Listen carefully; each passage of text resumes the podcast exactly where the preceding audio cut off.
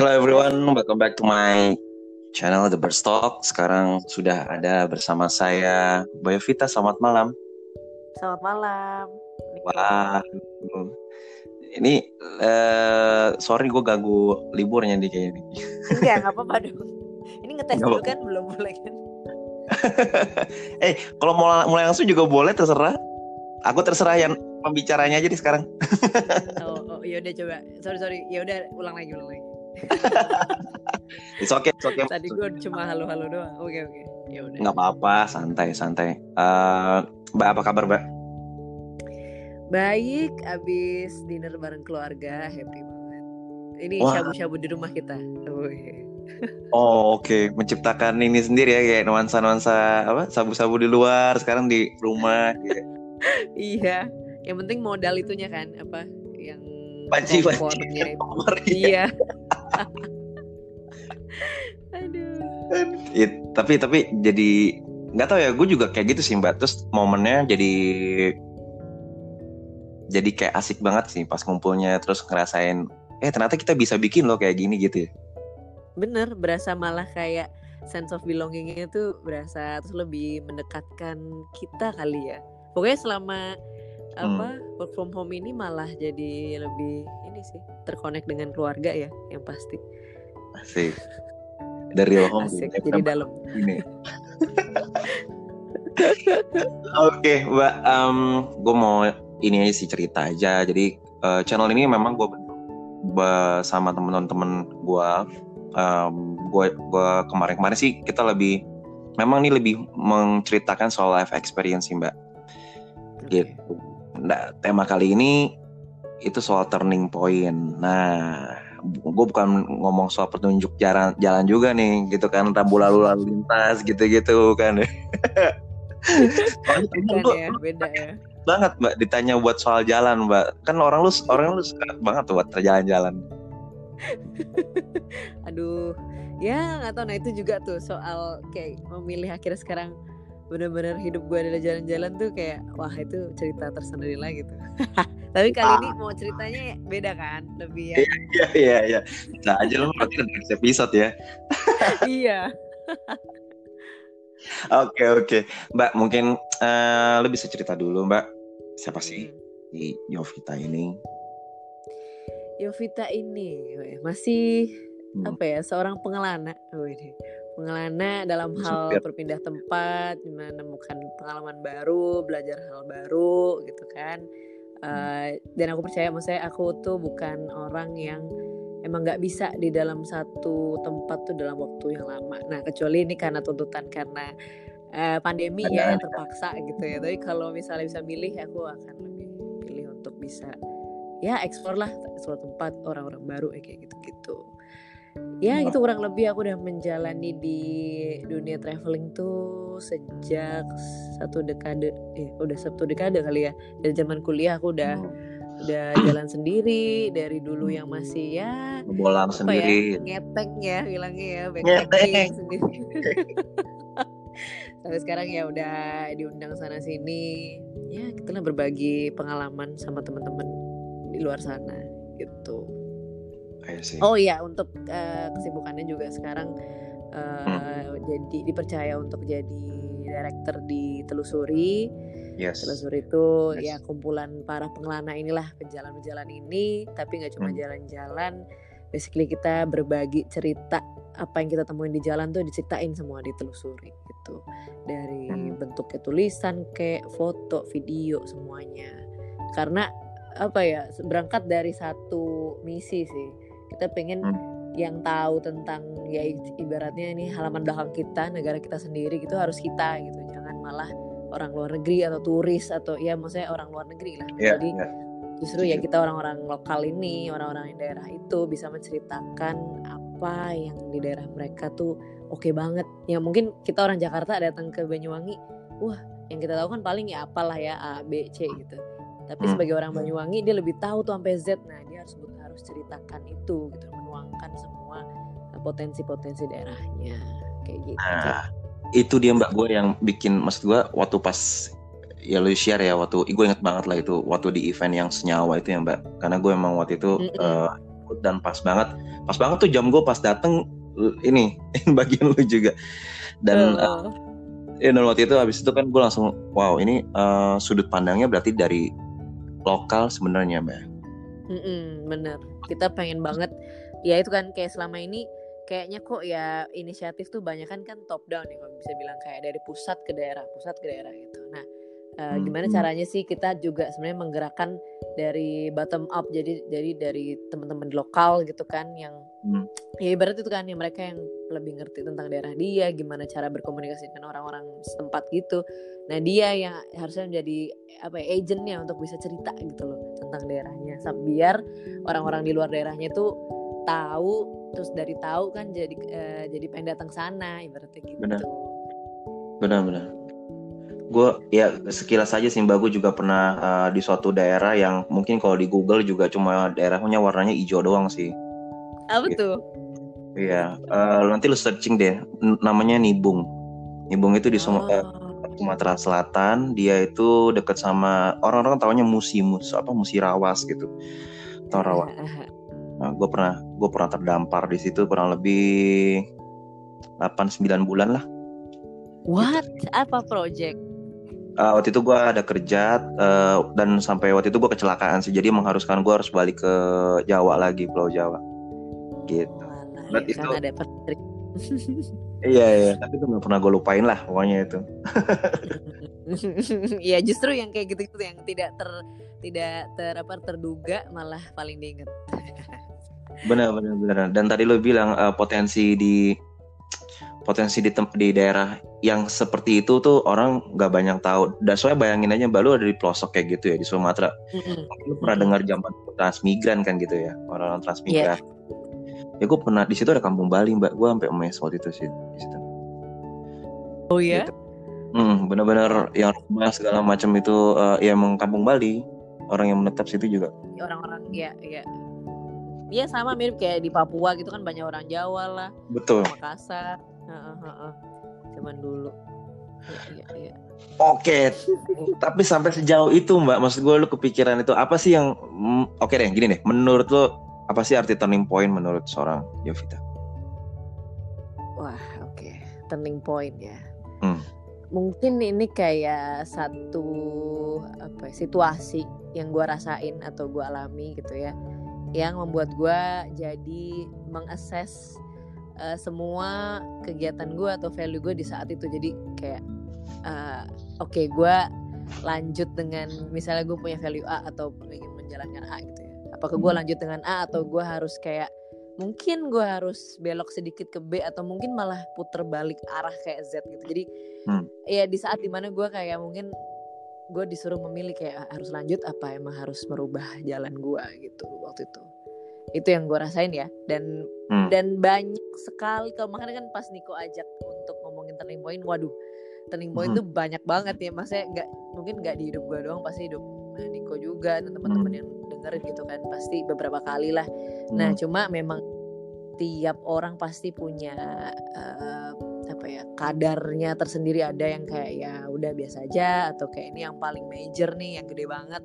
dan lagi-lagi balik lagi ke orang dia kan eh, prioritas orang juga beda ya. Ada yang sangat prioritasin mungkin soal karir atau soal personal life-nya atau kayak impact dia ke society gitu-gitu kan. Nah itu tuh Benar. turning point. Wow oke okay. gue ada nyatu tadi. Jadi ini ya kita tadi menjadi agak jumus agak-agak berat tapi nggak apa-apa lah ya. Lama kan. Malam-malam justru kayak pencerahannya kebuka gitu iya dong harus dong yang dengerin harus terbuka nih. Harus terbuka. Soalnya kemarin gue baru ngomongin mindset. Tapi tapi ini mbak gue tadi ada note dari lo ada kadarnya masing-masing ya. Ada kadarnya mm -mm. dan kadar maksudnya tingkatan itu bukan berarti buat Niko.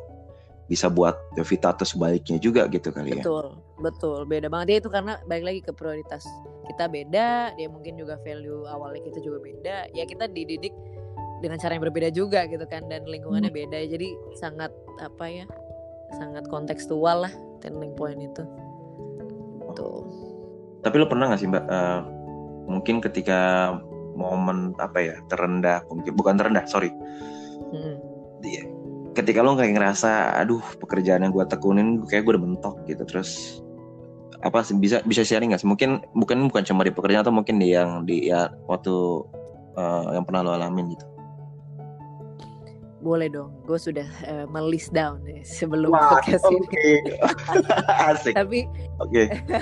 gue pilih yang pekerjaan aja kali ya. Mungkin kan karena mau share tentang kerjaan juga ya malam hari boleh, ini. boleh, uh, boleh jadi gue tuh kan memang dari dari SMA tuh gue udah tahu gue tuh memang maunya tuh di dunia yang bukan kayak uh, hitungan jadi gue dulu anak sos ya jadi nggak hmm. gue nggak mau tuh belajar kayak eksakta atau kayak ke akuntansi gitu gue enggak tuh gue gue tahu itu mungkin sebagian orang kayak seru tapi buat gue enggak enggak, enggak. gue emang pengennya tuh gue ketemu orang terus itu yang kayak uh, eksplorasi pengalaman baru di luar di luar gedung gitu kalau bisa kan jadi memang hmm. ya gitulah panggilannya dari dulu kayak gitu nah uh, abis lulus tuh gue kan akhirnya uh, nge-host tuh sempet kan di TV ya. Nah yeah, itu tuh kayak wah itu kayak uh, kurva belajar gue tuh bener-bener yang uh, naik banget karena ya itu wah ini kayak my dream job gitu. Dan dan hmm. memang gue udah mimpin itu dari mungkin dari SMA kali ya. Mungkin kalau tahu tuh acara jalan-jalan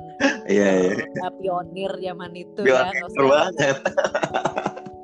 Iya jadi kayak pas di sana wah gitu. Nah tapi itu balik lagi.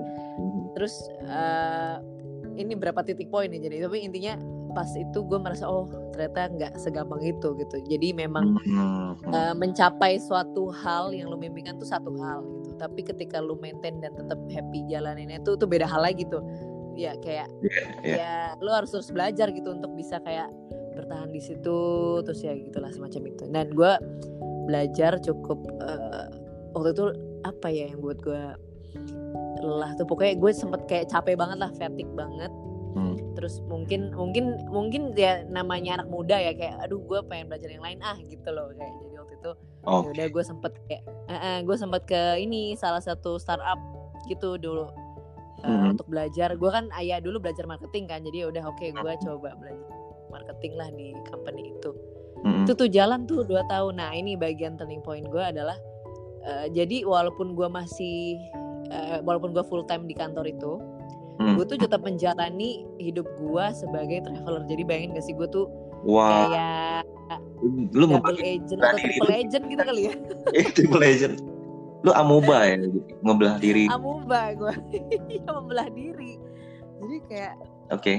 aduh. Uh, soalnya mungkin karena kan gue udah dikenal sebagai as, as traveler gitu tapi masih full time jadi kayak harus bagi-bagi. Nah jadi sempet um, setelah tahun keberapa ya gue di kantor setelah tahun ketiga hmm. tuh gue udah kayak capek banget terus juga jadinya kan kalau capek tuh nggak perform hmm. malah nggak perform di semuanya ya jadi kayak nggak ya, fokus gak, ya nggak fokus nggak fokus terus kayak bisa tuh gue misalnya lagi ya kan kerjaan freelance itu gue misalnya ke Labuan Bajo gitu gue bisa tuh ngerjain hal kantor diri gue hal yang freelance itu wah pokoknya kayak nah, wah ini eh, eh kayak wah mixed up banget gitu hmm. jadi terus uh, terus yang hit me hard juga kayak dapat feedback lah pasti dia yang bikin juga yeah. berasa kan ada fit dari uh, dari atasan waktu itu supervisor gue apa gimana mm-hmm. sempet lah negur gitu jadi gue kayak wah ini nggak bisa nih gue begini ya kan maksudnya kayak mm-hmm. gue tuh ya harus ada ya, batasnya ya, ya, gitu.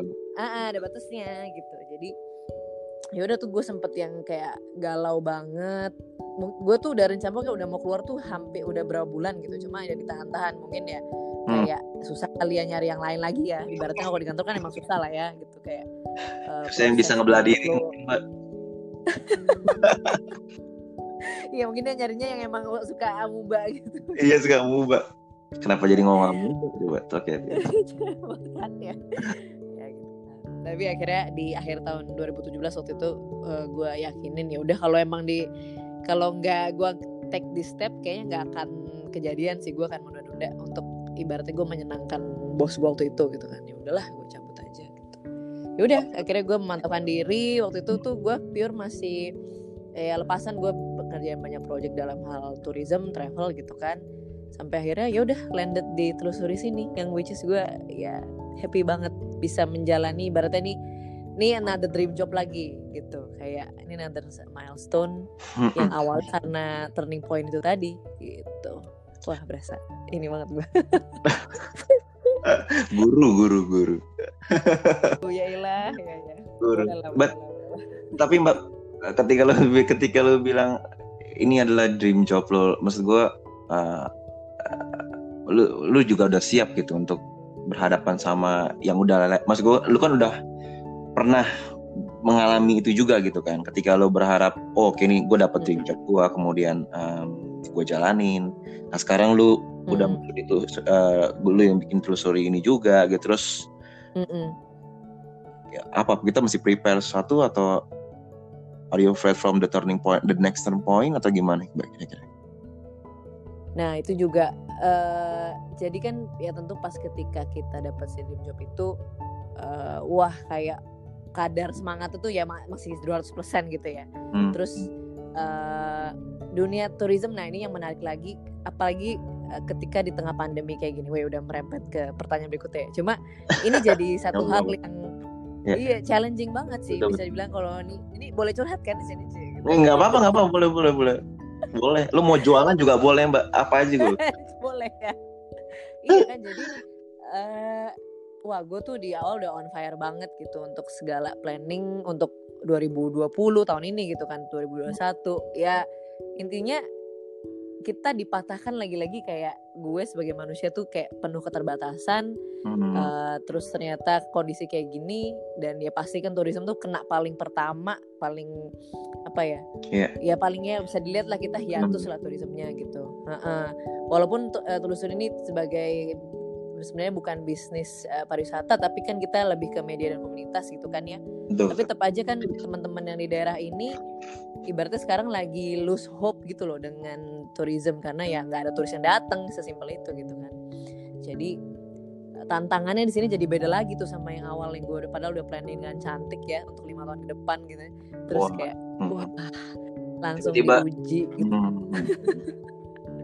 tiba-tiba banget ada yang tahu mbak ya kan gak ada yang tiba-tiba saya gue masih iya. masih ingat kan Januari Februari ketika itu udah masuk eh sorry udah udah di China kita masih kayaknya nggak nyampe sini deh kayaknya mm -hmm. mungkin kayak tiba-tiba boom gitu. yes yes makanya kayak jumlah banget ya orang Indonesia ya dibilang dikira kebal kita dengan virus dikira kebal ya, ya. tapi iya, iya, iya kalau misalkan di ini kita nggak apa-apa ya, maksudnya gue langsung coba kita ngobrolin sedikit ya langsung ke pariwisata ya mbak. Mm, boleh boleh. Uh, ya kemarin kan lu juga ada sempet ngobrol bareng juga kan, uh, apa namanya di satu event itu kan. Ya, yes. Uh, yang kemarin ya, ibaratkan bahkan i, apa icon gitu dari suatu daerah itu aja memang kedampak banget gara-gara uh, pandemi kini. Mm. Gitu um, banget. banget cuma ini maksud gue apa akhirnya yang maksudnya yang yang yang kira-kira tuh bisa kita ini ya mbak yang kira-kira bisa kita juga uh, maksud gue ini kan berubah ya kayak lu mm. lu kalau gue lihat kan ada virtual apa virtual tour benar nggak yes mm -mm, benar virtual tour. Mungkin salah satu ide caranya juga apa apa sih menurut lo yang kira-kira what's next itu mungkin yang ketika lo bayang kayaknya bisa main di sini nih Nick untuk pariwisata gitu. Ya itu uh, udah jadi bahasan tiap meeting gue kali ya selama beberapa bulan terakhir gitu kan. Kan kita ibaratnya kita uh, enabler kita tuh pensupport teman-teman yang ada di bisnis pariwisata gitu. Dan uh, pas kena kemarin ya mereka langsung pada curhat apa nih yang bisa kita lakuin? Gitu. Makanya hmm. misi kita selama sebenarnya sebelum apa ya bisa bilang new normal tourism nanti ini gitu kan ketika udah mulai dibuka gitu kita persiapin sih sebenarnya untuk uh, teman-teman ini ibaratnya tadi jangan sampai lose hope aja kayak maksudnya kan yang tadi teman-teman uh, misalnya punya homestay di mana terus sekarang kan harus mungkin beralih jadi bercocok tanam atau apa ya yang punya ladang ya di daerah ya udah nanti. Ya jangan khawatir karena setelah ini selesai gue ya maksudnya teman orang-orang itu tuh pasti akan ke daerah lo lagi gitu. Turisme tuh akan kembali lagi. Cuma yaitu lo harus uh, mengikuti protokol atau standar yang memang sudah yeah. berbeda udah beda lagi gitu loh. Kayak gitu. Nah makanya kita juga uh, sebelum itu pun terjadi kita juga ya coba effort-effort kayak uh, si virtual tour itu. Karena tadinya kan harusnya kan telusuri itu punya yang sekolah telusuri itu loh nih jadi yeah, kita yeah. Uh, kita tuh ngajarin teman-teman di daerah untuk ya itu bikin konten perjalanan gitu. ya. Hmm. Uh, uh, cuma karena pandemi nggak bisa nih roadshow-nya ya, bye ya gitu. Jadi ya udah deh gitu. Lu kita ajak aja jadi storyteller di ini kita virtual tour gitu. Jadi mereka ada penghasilan tambahan juga, terus tetap promoin daerah mereka juga gitu kan. Ya udah. Jadi ya ini lumayan membantu sih yang virtual tour ini bisa bilang. Kita juga diliput berbagai media juga mungkin karena ya orang penat nggak sih? Ini kayak maksudnya lu udah berapa bulan nih di rumah? Gue sih bosan hampir tiga bulan gua kali sejak di ini. Makanya. dan gue orangnya rada parnoan lagi jadi agak nah kan akan lebih lama balik traveling lagi kan? Tapi kangennya tuh nggak terbendung lah. Maksud gue dari yang ya sekarang aja ya ketika ada pemberitahuan PSBB di eh, dilonggarin kayak gitu kan itu aja tuh bikin ya gue nggak usah muluk-muluk lah. Gue mau keluar ke apa eh, ruang terbuka hijau aja. Kayaknya gue udah happy banget lah misalnya kayak sekarang kayak gitu-gitu. Betul. Makanya ini ya CFD rame ya kemarin. Aduh. Itu Aduh. tapi gue rasa itu memang orang ayo kita kita bisa bahasakan itu memang orang-orang kangen sama situasi gitulah ya. Yes yes. Kangen ngumpul. Aduh tapi jadi But, melupakan semua batasan itu. Eh mbak tapi gue ada gue mau sorry gue jadi inget. Kemarin temen gue ada sempat kasih gue link eh link zoom kalau nggak salah ya. Eh link dia bener link zoom. Jadi ada acara kayak webinar gitu mbak. Itu Mm-mm. soal Bali mbak. Mm-mm. kenapa Bali? ya? yang dia maksudnya dia pengen ngebentuk Bali itu jadi remote area buat eh, bisnis mungkin orang yang kantor segala macem gitu oh jadi kita bisa eh, ini kayak work from Bali gitu maksudnya Iya, message-nya kalau gua kalau gua nangkap ya, maksudnya gua secara pribadi gua nangkapnya jadinya kayak gitu. Jadi ketika di situ yang di yang di eh, yang di promosi memang Bali safe, Bali eh, sesuai dengan protokol eh, kesehatannya juga gitu, sehingga nyaman di situ. Tapi untuk kerja gitu, bukan Hmm. untuk yang ngumpul-ngumpul lagi. Iya kita tahu lah ya. Tapi maksudnya Iya. untuk buat entertainmentnya doang, bukan entertainnya doang, tapi working Iya. uh, from Bali itu uh, mereka kayak mau bikin konsepnya kayak gitu. Ya nothing sih itu menarik juga tuh mbak. Iya menarik dan itu memang kayaknya yang mulai bisa pulih ya itu memang Mbak, di sektor akomodasi ya nggak sih kayak orang mungkin udah Hmm. nanti tuh travel udah nggak yang mencari kerumunan lagi gitu kan bahkan kalau Hmm. mungkin bisnis bisnis open trip gitu mungkin nanti udah nggak nggak ada tuh yang mau ya mungkin lebih private trip kayak Private iya. sendiri Hmm, ya kan dan ya mungkin itu jadinya kayak ya udah stay misalnya eh, stay di hotel atau ya gimana lah gitu staycation jatuhnya ya Staycation. tuh dan Iya. eh, eh, konsep eh, Bali untuk jadi tempat kerja tuh juga apa ya mungkin selama ini kalau Niko perhatiin juga coworking space di sana tuh juga udah menjamur banget kan. Hmm, hmm, dan properti di sana kan juga banyak banget dan aku yakin sekarang kosong karena ya pandemi ya. Jadi Mhm. bisa dipakai untuk fasilitas itu ya itu mungkin banget sih itu salah satu peluang juga sebenarnya. Ya ya dialih fungsikan ya berarti ya. iya alih fungsi betul. Daripada Mhm. kosong. Benar Iya ya makanya gue pas itu wah ini hmm, ya gue pengen share ke, ke lu juga sih mbak. Siapa tahu memang itu itu Bali gitu kan. Kita punya masih Mhm. banyak kota dan eh, tempat lain mungkin yang benar-benar bisa soalnya kan gue lihat kan sorry gue dengar kan juga memang ada beberapa daerah yang eh, zero ini apa zero kasus kan maksudnya kan udah udah Iya, ada udah ada. Ya Iya. maksud gue ada optimis di situ maksud gue sih mbak benar benar iya sih bisa banget. Mm-mm. asal ya itu tadi eh, apa eh, protokol dari entah propertinya atau apanya emang memang harus sesuai ya harus standar. Tapi Iya. bisa bisa. It's full. Thank you for the info loh nih gue baru ini nih Iya. tahu. gue juga ini baru dan gue makanya gue kepikiran lu lu mau udah mengobati kita rasa kangen kita lewat virtual tour kayak gitu dan. Kayaknya jadi kan itu kan mancing kita jadi Ih, iya ya ini udah ke sini lagi apa kabar ini ya? Gitu kan. Iya. Terus semua Tiba-tiba. kantor sekarang kayaknya udah we- maksudnya work from home atau remote tuh kayaknya udah ada yang ngeplan sampai akhir tahun gitu ya. Banyak gitu. Jadi oh Banyak, ini jadi opportunity nih untuk kerja di tempat lain gitu. Maksudnya dari daerah lain. Daerah lain. Iya iya. Iya iya. Iya benar benar banget benar banget benar banget benar banget bisa banget bisa banget karena kerja Oke, lo jadi langsung, terbatas langsung riset habis ini di mana yang bagus. nggak jadi ini kerjaan lagi di, di eh tapi kita ga- garis katanya garis weekend weekday juga udah ngeblur ya nah, udah, udah lupa sih. Makanya pas lu bilang ganggu hari libur, ha, sama aja. sama aja Kayak di rumah aja udah gak ke mana-mana. oke nah em, mungkin gua ke next pertanyaannya sih mbak Mm-mm. oke buat industri yang lagi lu tekunin ini mbak apa sih Mm-mm. hope lu lah lebih hope lu tadi Eh, terus mungkin ada insight nggak dari lo untuk eh, kita nih ya sebagai memang manusia buat cari atau dapat turning point Jadi ngomongin turning point-nya ya. yes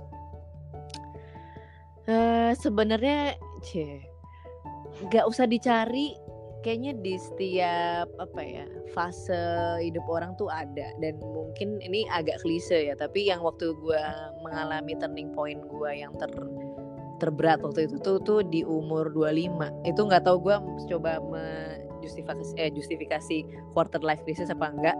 Tapi di saat itu itu tuh gua memang lagi kayak kayak apa ya kayak klik kayak "Ah, kayak harus kayak hmm, ya nggak tahu ada tekanannya tuh lebih berasa aja gitu. Dan kayak waktu itu tuh Hmm. nggak cuma gue doang.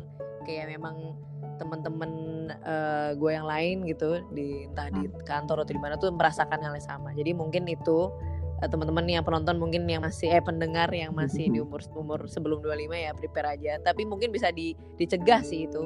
Kayak bisa kalian udah ya planning untuk planning. eh eh, udah planning lah Hmm. gitu. Karena eh, setelah gua cie menjalani melewati turning point itu sebenarnya bisa dicegahnya ketika eh, lu punya waktu untuk meluangkan kayak semacam apa ya assessment atau evaluasi diri gitu loh. Jadi rutin dibikinnya rutin. Jadi jangan cuma pas eh, ulang tahun doang atau tahun baru gitu kan. Biasanya kan orang gitu kan cuma Iya, lu bener. inget setting goalsnya tapi nggak abis itu nggak nggak di Iya. apa, disentuh lagi gitu kan. benar kalau nggak akhir tahun awal tahun tahun baru ya. eh apa ulang Iya. tahun Iya, jadi kayak oh, coba mungkin dibuat kalau gue coba buat tuh biasanya per quarter. Jadi udah quarter ini gue udah ngapain, eh quarter 2 gue ngapain gitu. Walaupun eh apa pokoknya standarnya jangan lihat orang lain aja. Lu harus kayak lihat progres dari diri lu sendiri gitu.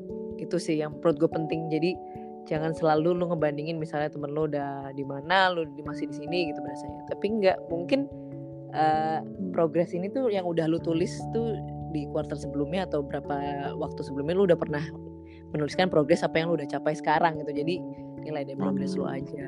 Gitu sih itu menurut gue Oh. kunci Mm-mm, iya iya. Kayak gitu. Terus Iya. ketika lo melewati masa terendah itu eh, berat berat. Apalagi mungkin teman-teman yang eh, apa ya bisa dibilang sentimental sanguin ya apa bilangnya ya istilahnya adalah yang kayak ada ada ya, ya. ya kan yang kepikiran banget gitu eh ya udah bawa santai bawa jangan bawa santai ya mungkin di share ke teman jangan dipendam sendiri yang pasti harus di share Hmm. nggak harus eh, apa temen lo itu eh, apa ya yang harus kasih masukan yang gimana banget tapi sebenarnya teman berbagi aja tuh udah cukup sih untuk meringankan bebannya kayak gitu dan itu juga jadi isu yang hot banget juga kan ya Nick ya kayak Hmm. terakhir-terakhir kayak ya mental lu lah kayak lu harus eh, apa Ya, ya. jangan, jangan sampai itu kayak wah membebani lu banget apa gimana banget jangan lah gitu Iya, itu paling Nick Waduh. menjawab nggak kira-kira menjawab banget. Gua gua gue coba gue coba simpulin dan ini menurut gua oke banget sih. Hmm, please correct me if I wrong ya. Iya. kalau gue sih kalau gue tadi lu bilang memang kita memang semuanya ada kadarnya masing-masing ya.